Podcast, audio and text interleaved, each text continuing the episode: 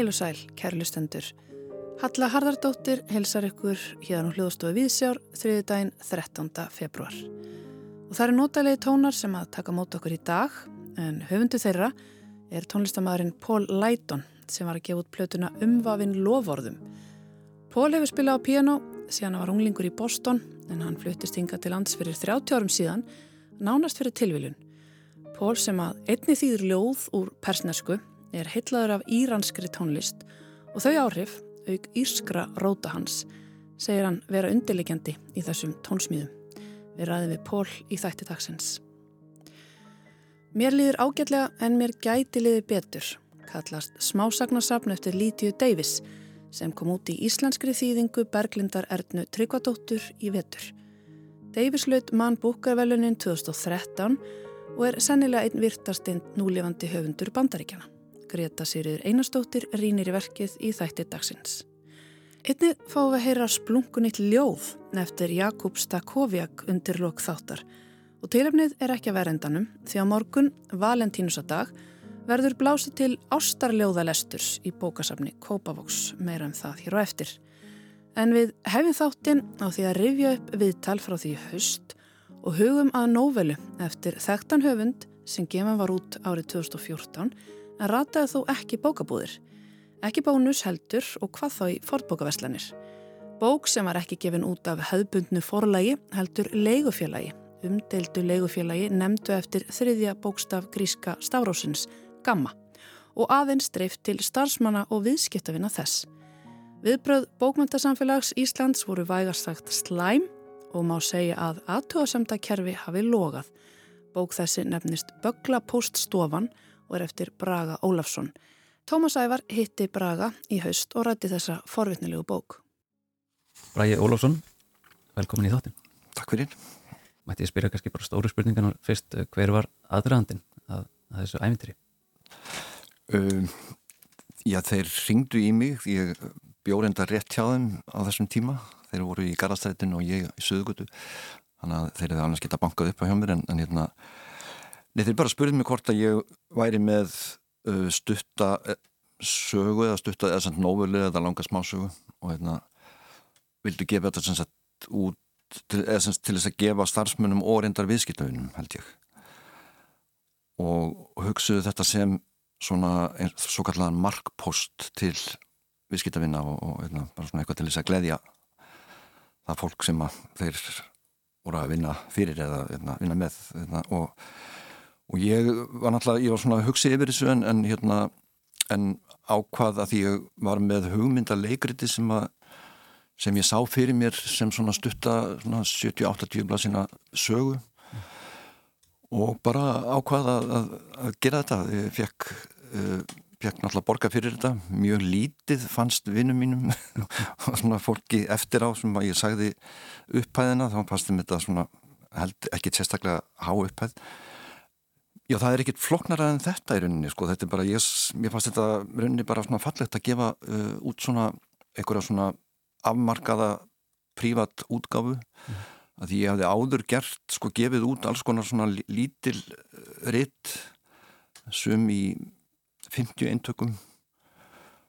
Já, svo, svo var það rauninni bara svona, þegar þetta kemur út, þá, hérna, þá verður fólk kumsa og, og bara og margt fólk í rauninni bara reitt mér fyrir að, að, að því ég var á reitthundalönum og hérna, fyrir að, að gefa út eitthvað sem almenningur kemist í rauninni ekki í mm. en, en ég hugsa þetta náttúrulega bara sem bara til dæmis eins og myndlistamenn selja fólki verk inn á heimilið sem að kemur aldrei fyrir augu almennings og, og, hérna, og, og það eru pöntuverk af myndlistamennum mm -hmm. og það er líka, náttúrulega líka hefð fyrir svona útgáfum til dæmis uh, hjá fyrirtækjum uh, til dæmis ég er hérna með bók sko eftir Sigur Nordal sem að heitir Mistari Guðmundur Þorláksson sem er uh, gefin út 1960 mm. í 300 eindugum eins og Böglapostofan og sem sagt er gefin út af Ísafold Ísafoldar prentsmiðju og send til uh, viðskiptæðina uh, í, í, í númurðum eindökum. Og, og kemur aldrei fyrir þetta á almannasjónir? Aldrei, Já. nei. Ekki einu sinni til landsbókasafnans? Um, sko það er náttúrulega prentskil sá sem að prentar þarf að skila til landsbókarsafnsins held ég fimm myndugum mm -hmm. eitthvað svo leiðis þannig að jú vantarlega er þessi bók sigurar til sko í uh, þar en hérna, það var nú bara vinnu minn Óskar Átni Óskarsson sem gaf mér þetta eftir að eftir að þessi bók mín komst í umræðina mm. en þetta kom svo litið á mig þegar þessi umræða byrjaði vegna þess að ég vissi ekki hvort að veginn, ég hafði bara ekki gert ráð fyrir þessum viðtökum vegna þess að þetta er bók sem ég skrifaði á tveimu vikum mm.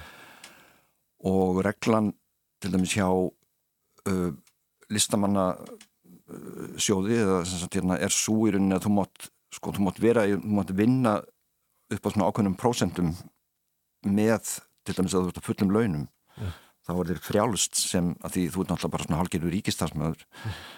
að vinna sem sagt eitthvað sem að já, er ekki, já, fyrir, fyrir utan listamannlunum og þetta er og í rauninni mér fannst bara, og finnst enn að þetta þetta er rauninni séð sjálfsagt mála að búa til uh, svona svo kallega markpost ég vann í fimm árum í hlífum á auðvisingastofu og skrifaði mjög marga alls konar markposta mm. fyrir auðvisingastofuna sem Æ. sumir hverjir voru bara reitt skálskapur Einmitt, Þetta er kannski raugrætt framhald bara, Já, já, í rauninni sko, hérna, já, en það er náttúrulega sko, í þessum umræðum um þessa bók þá, þá kom annað svona ímislegt svona, svona kræmaði líka undir, ég var til dæmis sko sagaður um það af, af einum bókmyndafræðingi að hérna að ég hefði ekki haft neitt sko erindi sem höfundur í, í ég held að hann hafi nefnt sko í 13 ár sem að, sem að ég reiknaði út ok, það er þá frá sagt, frá þriðju skálsugunum minni þá sagt,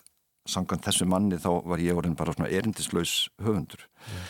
og það var kannski það, það sá punktur sem að ég hugsaði mest um sagt, þegar svona ríkið settist að ég hef rauninni aldrei skilið þetta að ríthöfundur hafi ákveði erindi að því hérna ég sé ekki skálskap sem sem leið til að koma einhverju ákveðnum prógrami til skila eða, eða hérna bóðskap vegna þess að ég lít alltaf á skálskapin sem í rauninni bara leik sem eitthvað uh, svona meiri í rauninni fagufræði mm -hmm. en í sko ég er náttúrulega að skrifa held ég aldrei texta nema ég finni fyrir einhverju merkingu sem að hérna Uh, að því annars, annars myndi verkið ekki drífa mig áfram. Ég get ekki setið bara á rauninni bara svona bylla og sagt eða rauninni verið að skrifa eitthvað. Mm þetta hefur alltaf einhverja ákveðna verkingu fyrir mér og stundum verði var við að, að lesendur komi auga á það sama og ég er að hugsa en, stundum eitthvað allt annað. Mm þannig að ég held að öll mín skaldverk séu rauninni svona opin í báða enda til, til tólkunar að til dæmis ég hugsa alltaf um sko hérna til dæmis sama hátt og til dæmis Óskar Væld sagði að hérna í inganginum að myndin af Dorian Gray þessum hérna stórmerkilega ingangi þar sem hann setur fram sína fagupræði að þá talar hann um að það sé ekki til einar góðar eða slæmarbækur heldur bara illa skrifaður og velskrifaður en ég til dæmis ef til einhvern veginn sko skipta kannski bókum upp í tvo þannig svona já svona tvær tegundra bókum að það er bækur sem að segja þér eitthvað og, og síðan það er bækur sem að reyna að segja þér eitthvað. Og ég held að ég sé frekar svona um, minn smekkur sé að því leiti svolítið þraungur á skaldverk að ég, hérna, ég leita frekar í bækur sem að eru það sem ég finn ekki fyrir vilja höfundanins til þess að, reyna, til þess að segja mér eitthvað. Og ég minna að það var náttúrulega margir bent á þetta ég minna að sem kannski hljómar svona mótsagnakent til dæmis uh, Vladimir Nabokov uh, til dæmis barðist alltaf eða allavega svona í ofinbyrlega eða svona í, í hérna, skrifum sínum um bókmyndir þá alltaf fordæmdi hann allar bækur sem að reyndu að koma til þín einhverjum skilabóðum eða hérna, móral.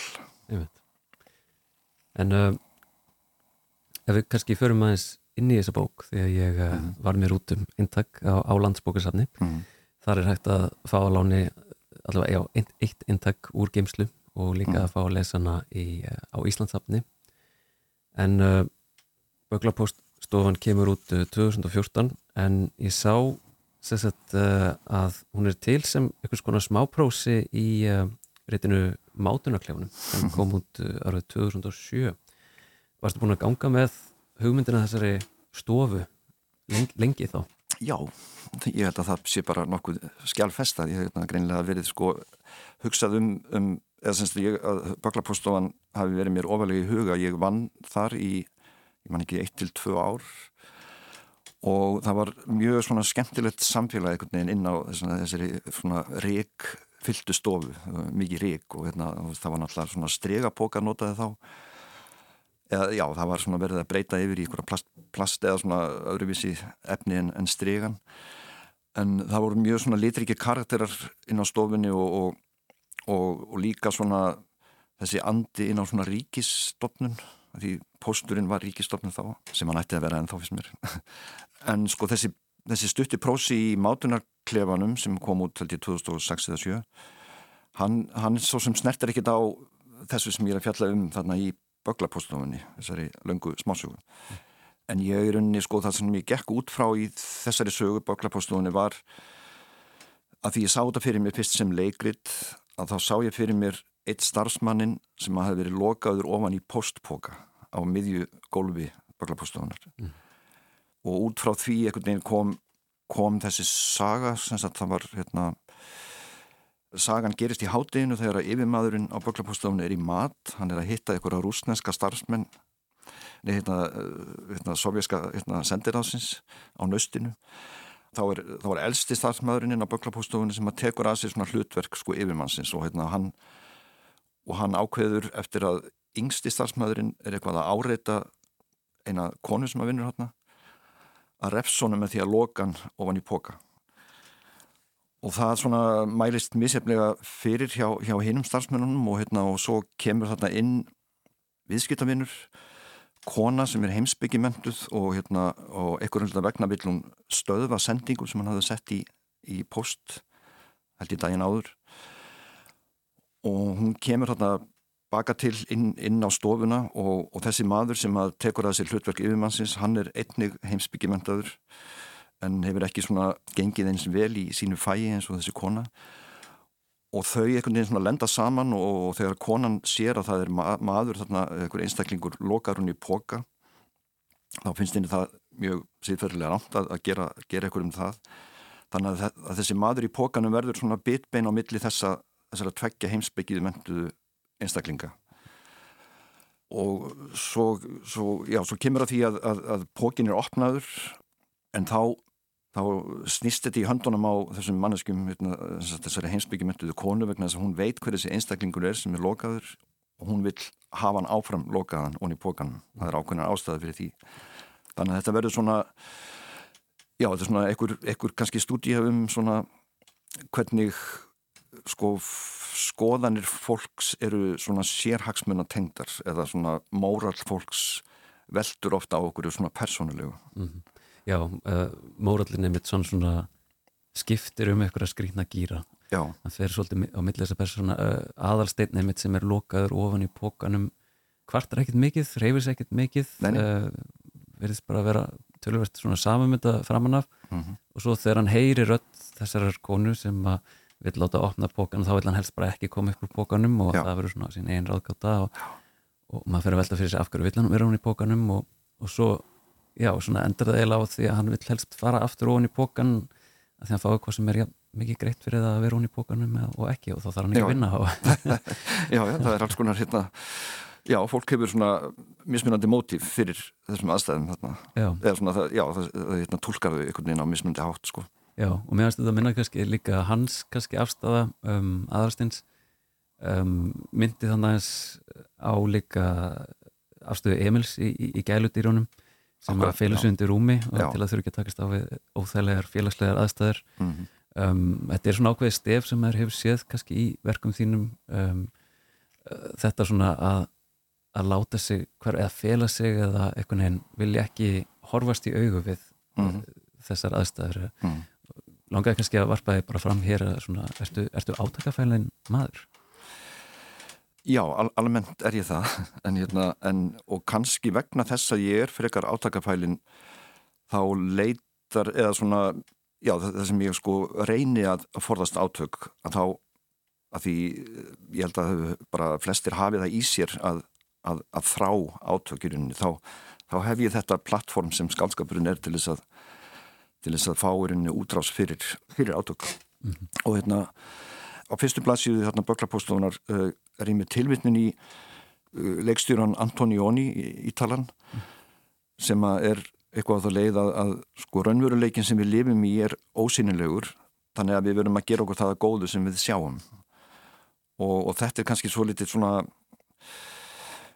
einhver uh, pínu inspirasjón fyrir þess að sögu og hérna þó ég veit ekki alveg nákvæmlega hvernig ég á að tólka þetta en það er það kannski bara best þetta er, þetta er, þetta er eitthvað sem að svona, mér finnst umhugsunarvert og mun kannski hætta að finnast umhugsunarvert þegar ég kemst að því hvað þetta nákvæmlega merkir sko. en, en, hérna, en er, þetta er kannski að því þú nefndir sko gæludýrin að, að hérna, mér finnst gaman að leika mér með sjónarhort persóna og, og hérna já, til dæmis í gæludýrunum þá, þá, þá er sem sagt uh, maður sem að raunni segir söguna, hann er falinn undir rúmi og sér ekki atbyrðar á svona kringum sig. Mm. en hann fær hana samt í gegnum hljóð.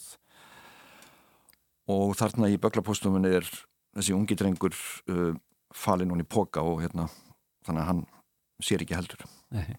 Já, einmitt, mér fór svona kannski að gruna líka hann væri sögumæður, það er svona það er líka mjög óljóst í bókinni en hann segir á einum tímapunkti til dæmis að hann, hann sjá í gegnum bókan uh -huh. uh, og sjá jafnvel í gegnum eitthvað mannesku já. sem er að tala já, já. og, og svona, er, fannst verið eitthvað vísmynding þar mm. en, uh, en mér fannst líka hann Herbert, þessi yfirmæður sem, sá sem gerist yfirmæður þegar yfirmæðurinn er burtu og valdi mm. gengur hún, honum mm. til höfus og það skreyti sem með, með því að kunna rúsnesku kannski og, og hafa lært heimsbyggju og svona, mm. það er líka kannski svipa til nokkara karaktera í, í þínum verkum sem svona eru svona fyrirferðamiklir karlar og, og, og skreita sem með visku mm -hmm. um, hver svona hver er þessi maður?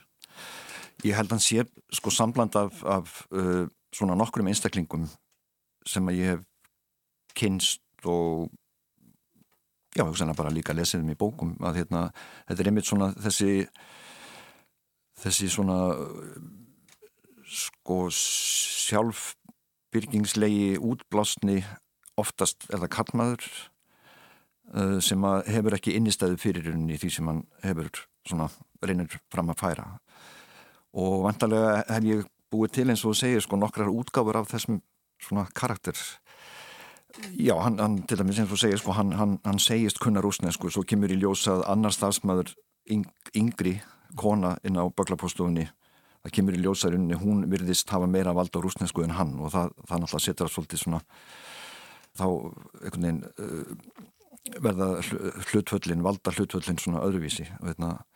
en til dæmis sko ég er búin að skrifa leikrit upp úr þessari bók baklapóstofunni eins og ég ætlaði uppalega að gera en það leikrit uh, það, það kallaðist sagt, yfirmaðurinn í mat og rauninni fylgir alveg þessari sögu en svo kom í ljósa að, að leiktekstin var einhvern veginn of svona prósæsk og hann, hann virkaði ekki alveg svona fyrir svið þannig að núna í augnablikinu er ég með sagt, hugmynd eða sagt, þá hugmynd að nota þessa sögu sem að tengist til dæmis uh, síðustu skálsuguminni gegn gangi leiksins og annari bók sem að uh, kæmi á milli mm. sem ég er að skrifa ja.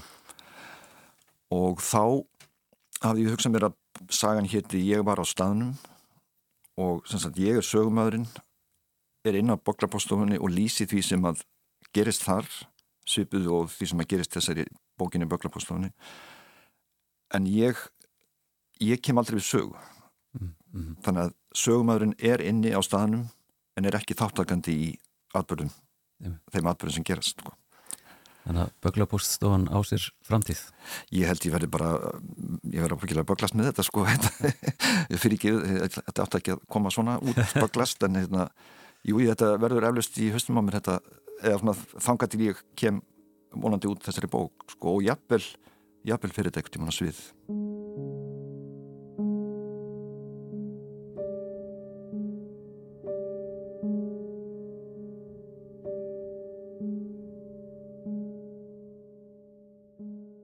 Tómas Ævar rætti hér við Braga Ólafsson um Böglapóstofuna Bók sem kom út 2014 en rataði aldrei í bókabúðir og þetta viðtal er síðan í haust. Og áframhöldu við í bókmentunum, Greta Sigriður Einarstóttir tekuna við, en hún var að lesa smá og örsagna eftir Lítiðu Davis. Mér líður ágætlega en mér gæti liði betur í íslenskri þýðingu Berglindar Erdnu Tryggvadóttur. Það er vist ekki mælt með því að dæma bók eftir kápunni og það er ekkert sérstaklega áræðalegt að dæma bækur eftir tillinum heldur. Líkt og kápan gefur hann þó ákveðnar vísbendingar um hvað þarna er að finna. Góður titill gefur vonir og fyrirheit, gefur okkur væntingar og býr til andrumsloft fyrir lesandan. Ég held ég geti fullirt að hérlendi sé Jón Kalman ókrindur konungur tillana. Í hans meðförum eru þeir oft langir og ljóðrænir en það sem mest er um verðt þá bregst ekki að þeir vekja hjá manni eftirvendingu eftir því sem verk hans kann að geima. Fyrir jól kom út bók með ör og smásugum Lydiu Davis. Lydia er bandarískur rittöfundur og kennari. Hún er orðin 76 ára gömul og býr í uppsveitu New York fylgis. Hún á að baki ímiðskona rittstörf og hefur skrifað skáldsögur, kent skapandi skrif og þýtt verk þekktra franska rittöfunda eins og Proust og Flaubert yfir á ennsku. Einna þekktust er hún þó fyrir smásögur sínar. Hún skrifar sögur af fjölbreyttir lengt en mesta aðtikli hafa þær allra steistu notið örsögur sem eru jafnvel ekki lengri en örfáar línur. Þessi fái orð nota Lydia þú oft til að segja stórar sögur. Ég þekkti ekki til Lydiu áður en ég las bókina en miða við æfi ágripið og það sem hún lætur frá sér í viðtölum er hún með bein í nefinu. Lydia var til skamstíma gift rítöfundunum Pól Oster og bjóð með honum í París. Hún er hægt að fljúa á milli staða, umhverfisins vegna, stundar ekki viðskipt við banka sem fjármagna ólíuvinnslu og neytaði að selja síðustu bók sína á Amazon. Íslenska þýðingin byr titilinn Mér líður ágætlega en mér gæti liði betur. Bókin er úrvalsagna eftir Lidíu sem flestar fylla einungist eina eða tvær síður. Síðasta sagan í bókinni sker sig hins vegar úr. Hún er tæpar 70 blaðsíður. Sögurnar í bókinni komu ekki út allar saman á frumálinu heldur eru þær valdar af þýðanda, Berglindi Ernu Tryggvadóttur. Efni viður sagnana er í flestum tilveikum markbreytileiki hverstakslífsins og samskipti fólks. Eins og kjarnast í titlinum er þetta sjálfnast hádramatískir viðburðir, í það minnsta á yfirborðinu. Atburðir í sögum litju láta minna yfir sér. Einsömmur kona panta sér fisk á veitingahúsi og gerir sitt besta til að valið bytni ekki á umhverfinu. Það er skemmtilega kíminn tótn í frásögninni og höfundur segir þannig frá að auðvelt er að sjá spauilegu hliðina, bæði á hverstagslegum atburðum og stærri málum. Sagan Varðandi heimilistrif hljóðar svo í heilsinni. Undir öllum þessum óhreinundum er gólfið í raun mjög hreint. Svo er það sagan tvöföld neitun. Hún er stutt, bara ein setning sem hljóðar svo í íslenskri þýðingu. Á vissum tímapunkti í lífísínu áttar hún sig á því að það er ekki beint það að hana langi að eignast barn, heldur frekar að hana langi ekki að langa ekki að eignast barn eða að hafa ekki eignast barn. Í ennsku málheimi er Saga Davis oft nótuð sem dæmi um málfræðilega stílbræðið töfaldar neitun. Málhreinsunar sinnar segja þetta ranga málnótkun og að alltaf fari betur á að innfalda setningar. Saga Davis sínir hens vegar skýrt blæbreyðamunin á jákvæðri setningu og töfaldri neitun. Þýðing Berglindar er að mörguleiti þægileg og rennur vel en hún er ofta á tíðum ekki nógu nákvæm. Hún ræðist ekki á gardin þar sem hann er legstur, þar sem stuttar og blæbriðaríkar sögur Davis þarnast hár nákvæmni í meðförum. Þýðingar eru að sjálfsögðu í eðli sínu ómögulegar af því að það er ekki hægt að setja einfalt sama sem merki millir orða á ólíkum tungumálum. Það er eðlilegt að eitthvað glatist í þýðingu. Til að mynda er engin leið að ná taktinum og rýmenu í titli sögunar Nancy Brown will be in town yfir á íslensku. Í þýðingu heitir sagan einfallega Nancy Brown verður í bænum. Í stuttum tekstum Davis hefur hvert orð mikið að segja og ekki síður hvernig þeim er raðað saman eins og sjáum á í sögunni tvöföld neitun. Á frummálinu segir í sögunni as that she does not want not to have a child or not to have had a child. Í þýðingu Berglindar segir hún að hana langi ekki að langa ekki egnast barn eða að hafa ekki egnast barn. Stór hluti af sjarma sögunar er fólkin í málfræðilegum leikjum og það skýtur því skökku við að fara svo ónákvæmt með hann í þýðingunni. Það er allt annað að langa ekki að eignast ekki barn en að langa ekki að langa ekki að eignast barn. Síðar í bókin er dæmið um aðra þýðingu þar sem blæðbreyðin njóta sín ekki. Það kemur ankannarlega fyrir sjónir að þýða letter to the editor sem bref til rittstjórans þegar slík skrif væri á íslensku kölluð bref til blaðsins. Mér líður ágætlega en mér gæti liði betur er full af sögum sem ná á ótrúlega naskan hátt utanum hverstag milliséttarfólks. Í örfáum orðum ná þeirra kjarna allan skalan af ángist og gleði daglegs lífs þar sem eitt símtalt til móður personu getur sett af stað snjóflóð af kvíða og örvendingu. En góður fiskréttur á veitingastað er likillina lífsfyllingu og sátt við guð og menn. Flestar stuttu sögurnar í bókinni eiga það sameinlegt að personur þeirra eru naflausar. Stundum talar sögumadur í fyrstu personu og þau sem ummerætt eru auðkjent með hlutverki þeirra í lífi annara. Vinkona, eiginmaður, móðir, nágranni og svo framvegis. Þetta gerir lesanda kleift að fylla upp í eðurnar í knöppum sögunum með sínum eigin samfélagslega mótuðu hugsunum um skildmenni og nágranna. Slík samvinna höfundar og lesanda gerir sögurnar oft mjög skemmtilegar aflestrar. Þegar maður hins vegar les margar slíkar í rauð, dopna þau áhrif og sögurnar fara að virka of almennar til að eiga við. Það er því gott að taka sér tíma í lesturinn og reyna að glugga í bókina reglulega frekar hann að lesa hana alla í einni beitt. Smá og örsögur Lidju Davis eru ofta tíðum hnittnar og velsmíðaðar og bera vottum ríka hugmyndaauki. Þær fara í allar áttir og sumar heita beint í mark og aðrar minna. Það er alltaf virðingavert að færa þjóðinni aukið aðgengi að hugarheimi rittöfundar en örsögur eru flóknar í þýðingu, ekki síður en ljóð. Greta Sigrir Einarstóttir um smásagnasafnið Mér líður ágætlega en mér gæti liði betur eftir Lítiðu Davis í íslenskri þýðingu Berglindar Ernu Tryggvadóttur. En þá er komað næsta gesti. Tónlistamæðurinn Paul Leighton heldur útgáð tónleika í mengi í næstu viku. Paul hefur spilað á piano síðan hann var unglingur í Boston en hann fluttist hinga til lands fyrir 30 árum síðan og var að gefa út sína fjörðu plötu hér á landi. Umvafin lovorðum kallast hún. Við skulum heyra brot úr samnefndu lægi.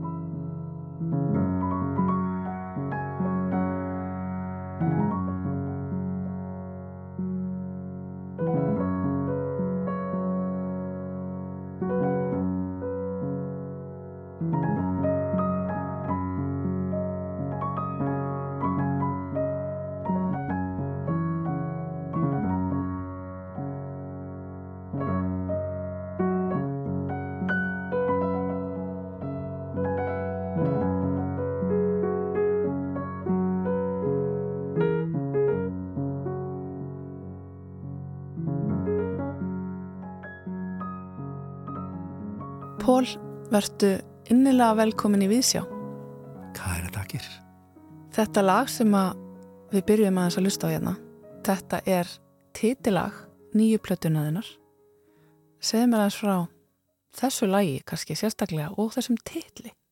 Já, uh, titillin, uh, mig dreymdi hann. Bara.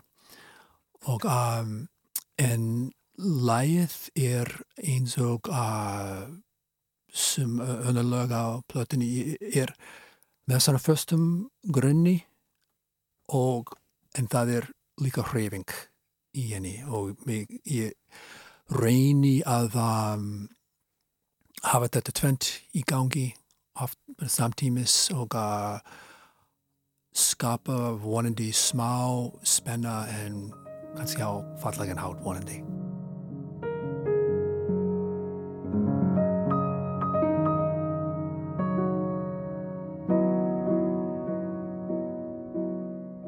Fastur grunnur með smá hreyfingu.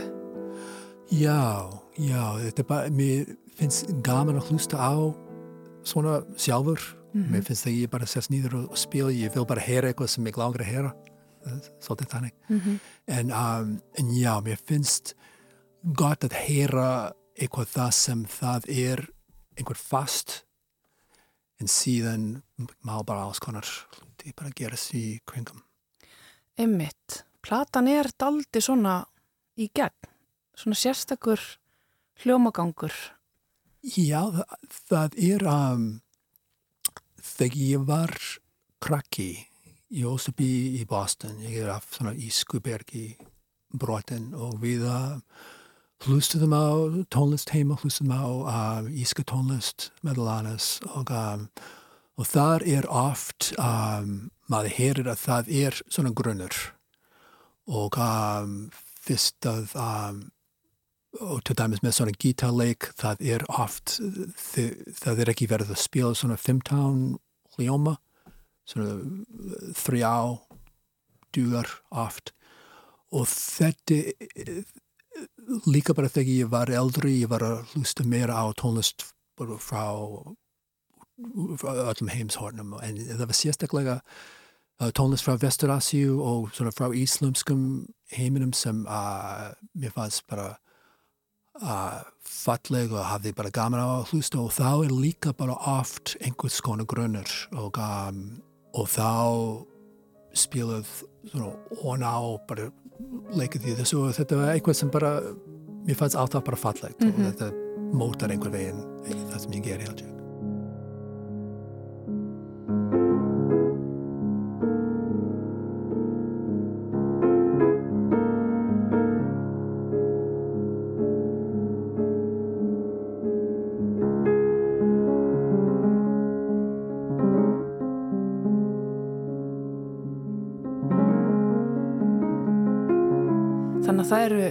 eins og segir, írsk áhrif og áhrif frá uh, Vestur Asju.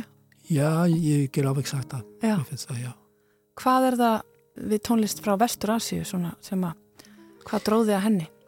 Uh, það var að, það var úrvapsþáttur sem ég var að hlusta á þegar ég, ég bjóð um tími í San Francisco og það var spilað músík frá tónlist frá öllum uh, löndum að segja en það var uh, sérstaklega tónlist frá Íran sem höfði, höfði til mín um leiði ég heyrði það og, um, og það er uh, mikið svona tónlistu hefð þaðan og ég bara hlustað mikið á þetta bara gegnum árin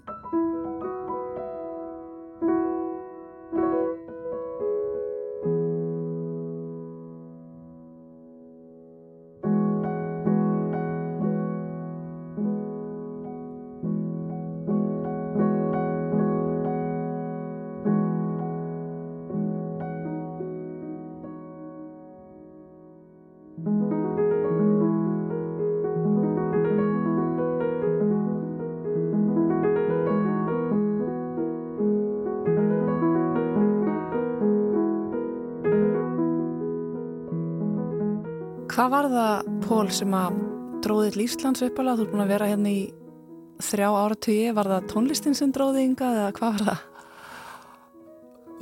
Það, ég hluti til. Meni, þetta, þetta var bara líka æventýri en svona á um, áður en ég kom, kom hingið með það basmóðu minni, Laura Valentino og uh, við vorum að spila í hljómsveit í San Francisco á þessum tíma, svona 85, 86 og á þessum tíma var líka uh, margir voru að gefa út kassetur og bara skrifast af það annað fólk og við uh, komast í samband við Dr. Gunnar Já og, uh, Senduð honum bref og kassetur? Já, jú, já, það var eitthvað veginn þannig og, og endiði með því að við komum í tvo mánuði í 86 hingað og spilaðum með Svarkvítan Dröym um, og þá fórum við aftur til Kaliforníu og þá eftir smá tími við vorum ja, við kynntumst bara góðu fólki hér og, og það var, var áhugveit og okkur, já, kannski ekki við reyna bara að fara aftur í eitt ár og reyna að læra smá íslensku. Og það var bara einhver vegið þannig planið var bara, já, fara til Íslands í eitt ár. Og hér er þenn? Já, einmitt. Langt ár. Mjög langt ár. Og þú hefur gefið út alveg nokkrar plötur. Já. Um, en já. þessar tvær síðustu píjánoplötur eru alltaf ólíkari hennu fyrir er það ekki?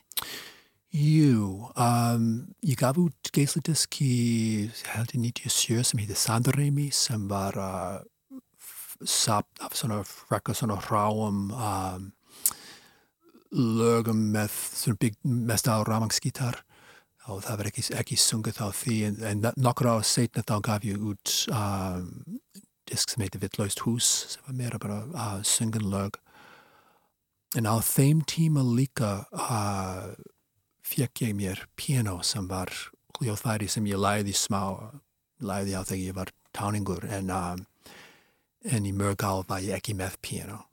En þetta var svona upphafs hljóðfærið mitt mm -hmm. í rauninni. Og um, þetta var bara þannig að ég hugsa, já, ég, ég, ég verði bara að gera eitthvað í, með þessu. Mm -hmm.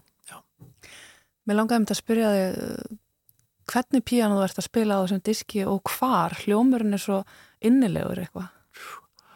Þetta er um, mjög fallegt hljóðfæri sem um, ég keiti frá uh, Levi Magnussinni sem var að uh, svona, er svona pianomeistari og, og uh, seldi piano á sínum tíma. Það er Checknest piano uh, frá fyrirtæki sem heitir Klema og uh, það hefur svona, frekar svona djúpan tón finnst mér með við uh, som piano og bara um leiði ég heyrði það ég var bara já þessi, þess, þetta er gott þetta er gott, mig langar í þetta svo, svo ég þakka leiði bara innlega fyrir svona góð, góð ráðgjöf mm -hmm. Þú tekur upp heima hjá þér eða hvað? Jú, jú, ég er bara með það nota bara tvo mikrofóna og það bara ofan í uh, kassa ofan í tölðuna og bara mm. frekka svona einfalt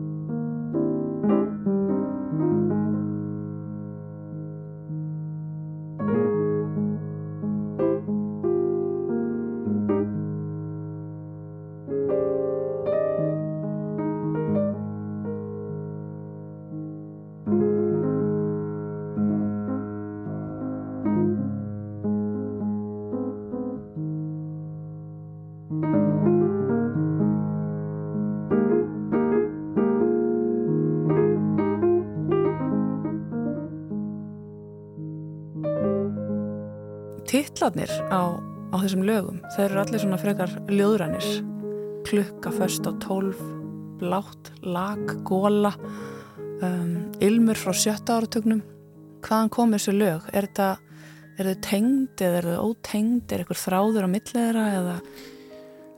Titlarnir ég vildi að um, væru lýsandi á, á einhvern hát en um, sem þeirra uh, dreymdi mig líka. En ég var að, að tæma húsið það sem jóst upp uh, fyrir ekki svo langu síðan og, um, og þaðan kom þessi títill um lyktina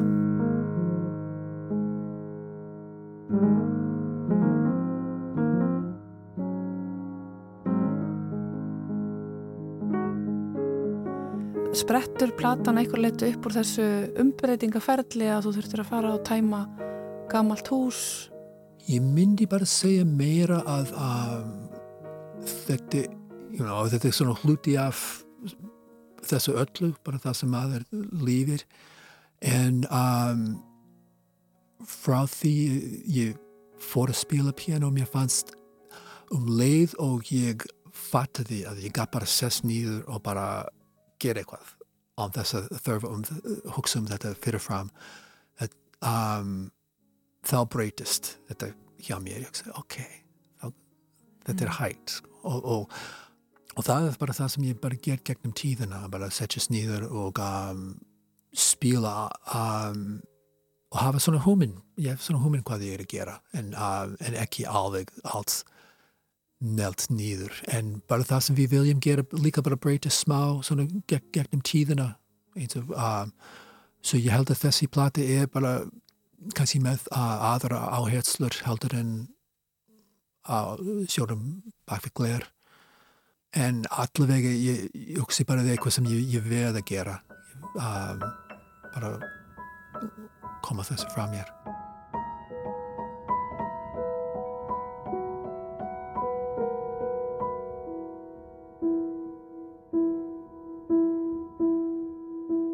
Ef þú ættir að lýsa tónlistinni á blötunni, hvernig myndur þú lýsa henni? Ég myndi segja að um, á svona kannski svo, á svona litró frá eitthvað sem er bara mjög uh, bara omstríð uh, omstríð svona hávaða að eitthvað sem er bara mjög svona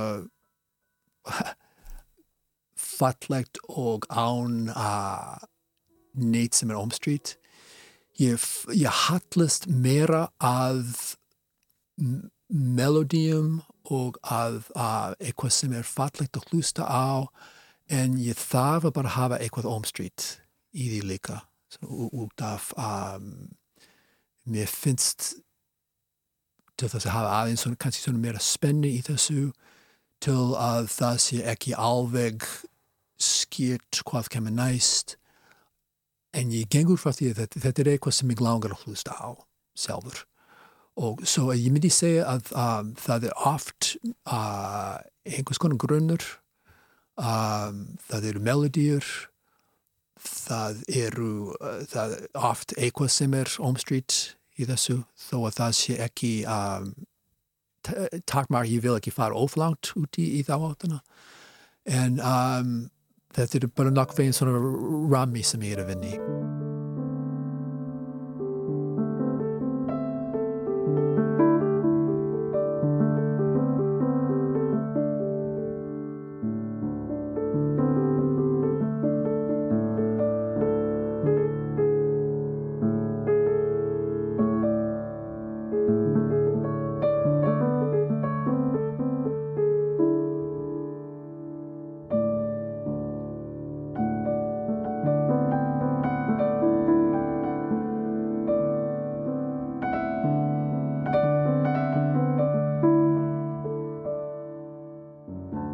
mér langaði að spyrja þig eh, að því ég sá að heimasegniðinni að þú ert líka þýðandi og þýðir úr persnesku. Já, já. Getur þú sagt mér aðeins frá því?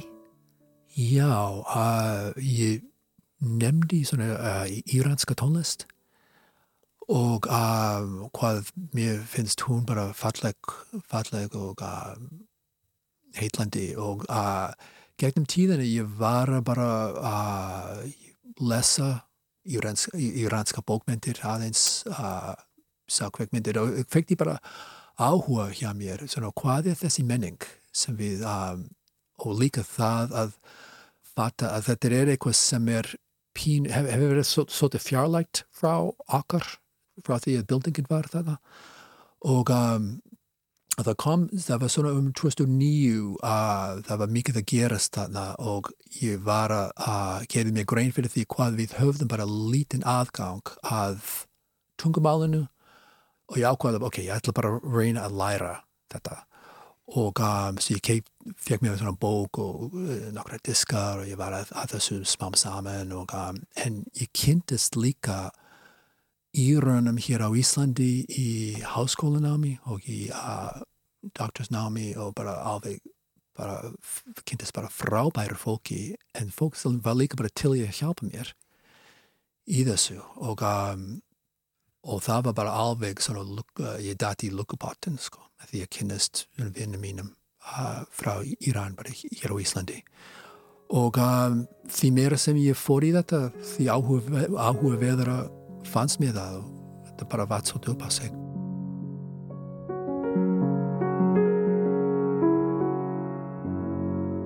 Ótrúlega gaman að fá því heimsók.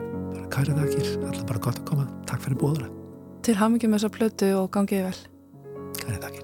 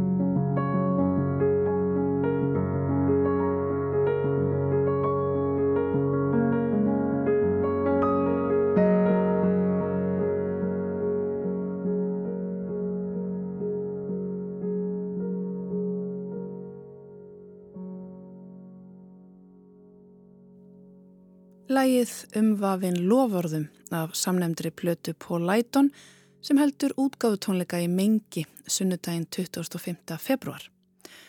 Við ætlum að enda þáttinn á öðru lægi eftir Paul en ekki fyrir en við erum búin að heyra nýtt ástarljóð eftir Jakub Stakoviak. Tilefnið er ástarljóða Lestur sem blási verið til á morgun í bókasafni Kópavoks, löst eftir hádegið eða klukkan eitt á Valentínusadag. Skáldin sem að Stíða þar stokk eru þau Sigurður Skúlason, Sunnadís Mástóttir og Jakob Stakkoviak.